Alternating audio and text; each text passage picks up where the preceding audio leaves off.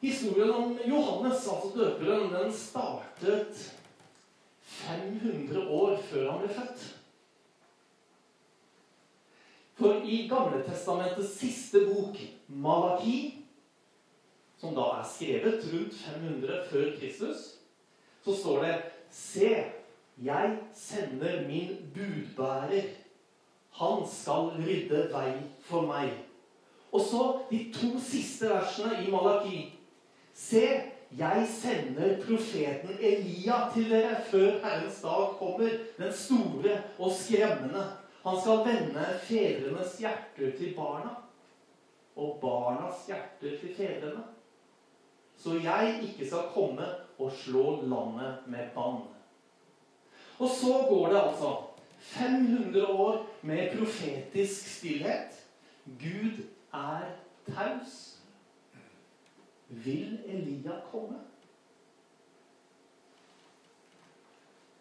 Og så står det i Lukas evangeliet en spesiell historie. Det er et gammelt ektepar. Heter Elisabeth og Zakaria. Han er prest i tempelet. De er godt oppe i årene, begge to, og de er barnløse. Og på den tiden, i den kulturen, så var det å være barnløs noe ganske annet enn det det er for oss. Ja, det inneholder det å ha barn inneholder glede. Men det inneholder også en trygghet for alderdommen og ø, livet videre. For hvordan skal disse nå klare seg ettersom hvis de blir syke, demente osv.? Hvordan skal de klare seg? Man må ha barn, man må ha en stor familie.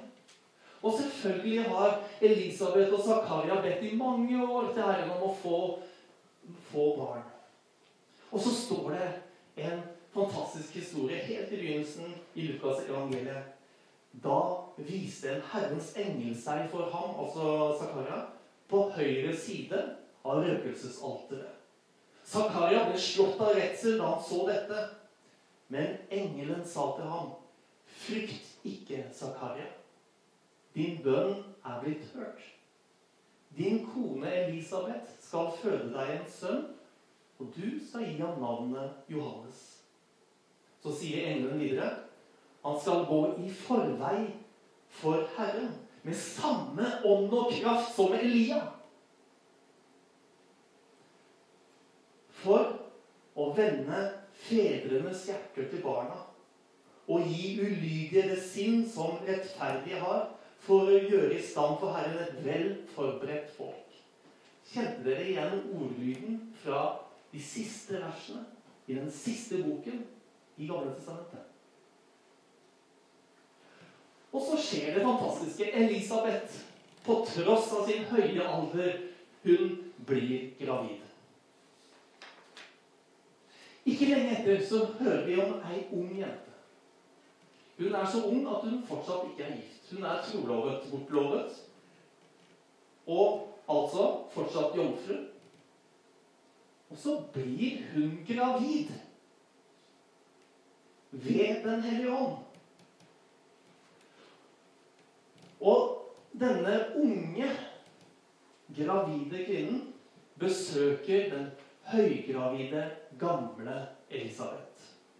Så står det da Elisabeth hørte Marias hilsen, sparket barnet i magen hennes.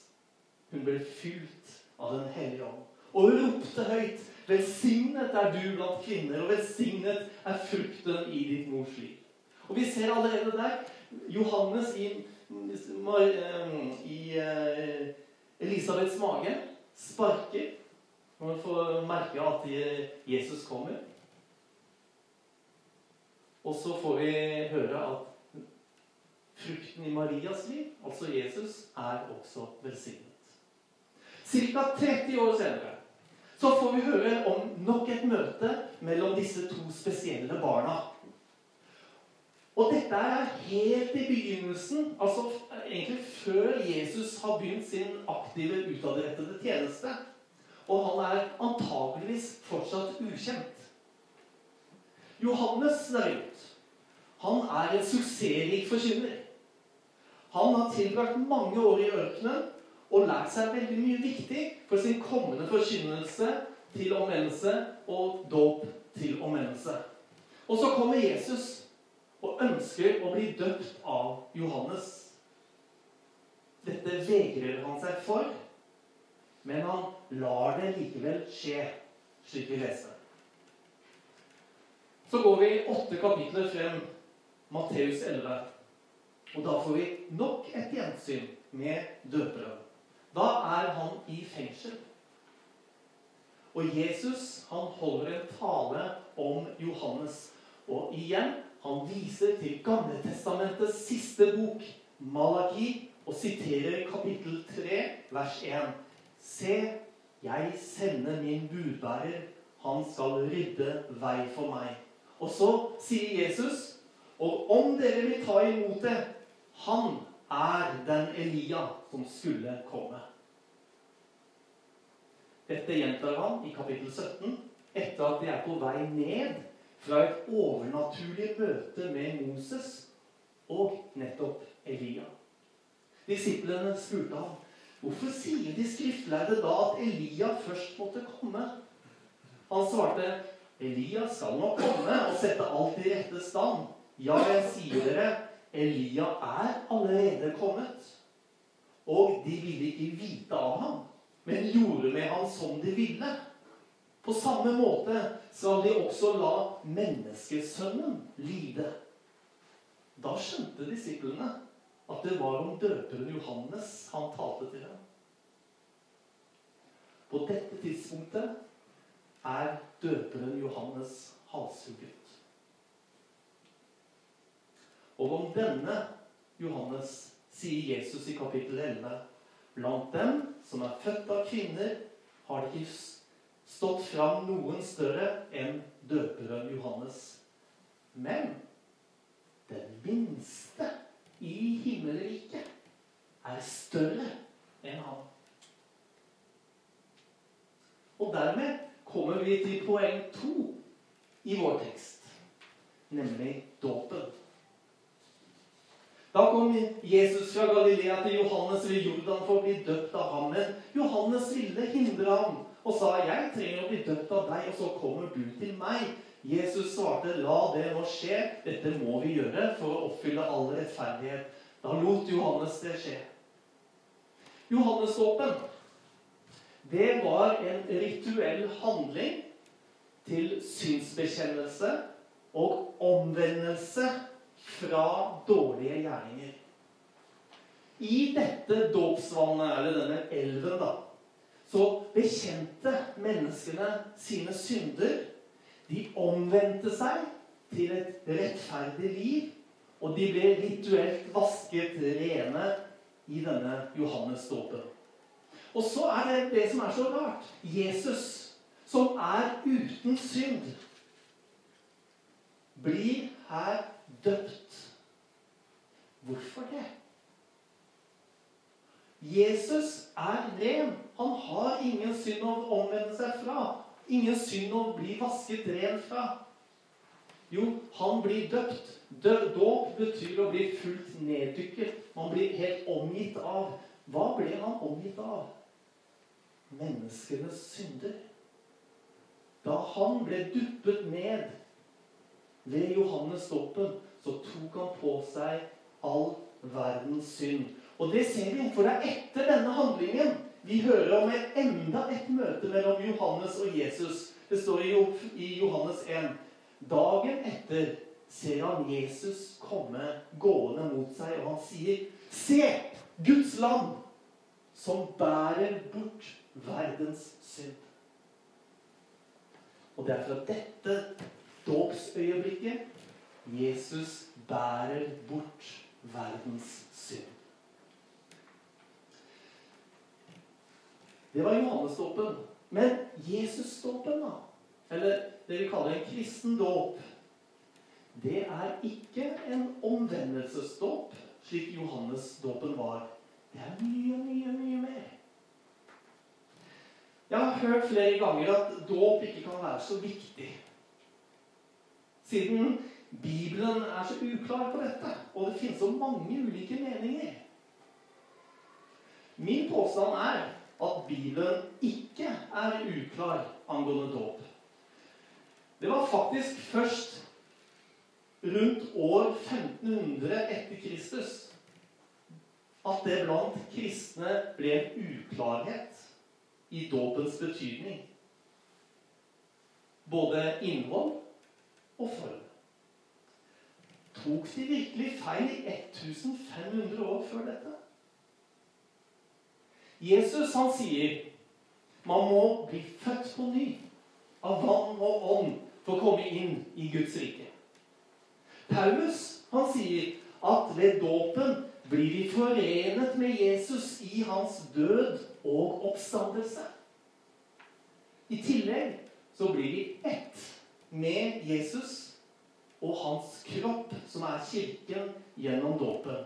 Og så, som vi hørte fra apostelgjerningen 19, så får vi Den hellige ånd gjennom dåpen. Dåp er altså fødselen inn i Guds rike. Det gir åndens kraft til livet videre og gir oss del i de dødes oppstandelse. Dette her er altså ingen liten eller uvesentlig ting.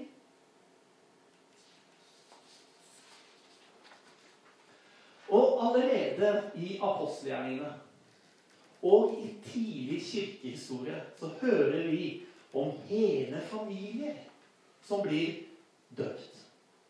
Det innebærer selvfølgelig alle aldersgrupper. Dåp er uavhengig av alder. Og takk og lov for det. Dåpen den er en selvfølgelig del av det å være kristen.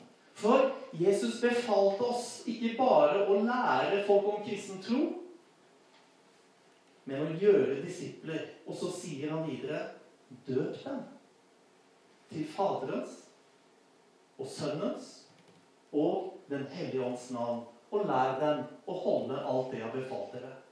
Og det er på grunn av denne dåpens fantastiske gave og rikdom Jesus sier Blant dem som er født av kvinner, har ikke stått fram noen større enn døperen Johannes, men den minste i himmelriket er større enn han. Så ser vi det at den kristne dåpen som Jesus sa skal foregå i Faderens, Sønnens og Den hellige ånds navn. Og da har vi treenigheten foran oss. Fader, Sønn og Ånd.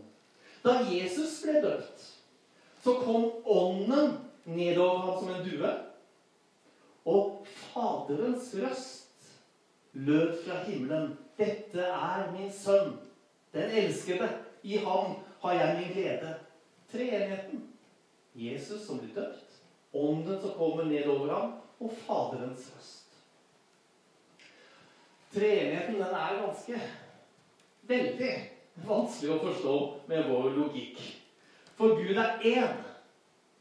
Likevel treenig. Hvordan henger dette sammen? Vi skal nå se litt på Jesu enhet med Gud Fader. Et menneske Et menneske blir født av et menneske. Det mennesket som er blitt født, er like mye menneske som det mennesket som føder det. Det er ikke et mindreverdig menneske som blir født. 100% menneske. 100% like mye menneske som sin mor. Og slik er det også med Jesus. Han er født av et menneske. Altså er han 100 menneske. Likevel så sier Gud at Jesus er hans sønn. Og Gud er vel ikke noe menneske? I Salme 2, vers 7, så står det Du er min sønn, jeg har født deg i dag. Og dette verset blir gjentatt tre ganger gjennom Nytestamentet. Og det viser tydelig at det handler om Jesus i forhold til Gud Fader. Og da ser vi at Jesus ikke bare er født av Maria, noe som gjør ham til 100 menneske, men han er også født av Gud, noe som gjør ham til 100% Gud. Nå trenger vi litt hjelp fra kloke hoder. For dette her har Kirken eh, syntes vært veldig vanskelig. Blant annet så var det en tid på 300-tallet hvor det var stor uenighet om Jesu natur og treenigheten. Enten så måtte jo Jesus være 100% menneske, eller så måtte han jo være 100% Gud. Hva er han? Og dermed så kom den verdensvide kirke sammen i år 325, Nikea, og ble enige om hva kristen lære er om treenigheten og Jesu natur.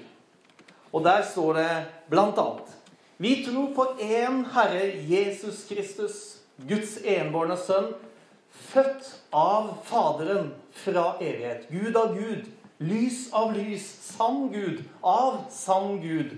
Født, ikke skapt av samme vesen som Faderen. 100% Gud. Så står det videre Han er blitt kjød ved Den hellige ånd av jomfru Maria og er blitt menneske. 100% menneske. Jesus er født to ganger. Først av Faderen fra evighet, og så av jomfru Maria for å bli menneske. Jesus er altså 100% Gud fra evighet av og 100% menneske gjennom Maria. Dette her, det er guddommelig sannhet som springer ut ifra Jesu fødsel, Jesu dåp, og det blir bekreftet gjennom hans oppstandelse. I Romerne 1,3 så står det dette det er evangeliet om Hans sønn, Jesus Kristus, vår Herre kommet som menneske av Davids ett, jomfrufødselen. Ved Hellighetsånd stadfestet som Guds mektige sønn, Johannesdåpen. Ved oppstandelsen fra de døde, påskemorgen.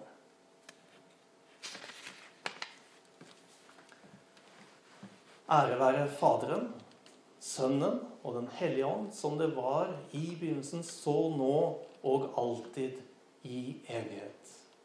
Amen.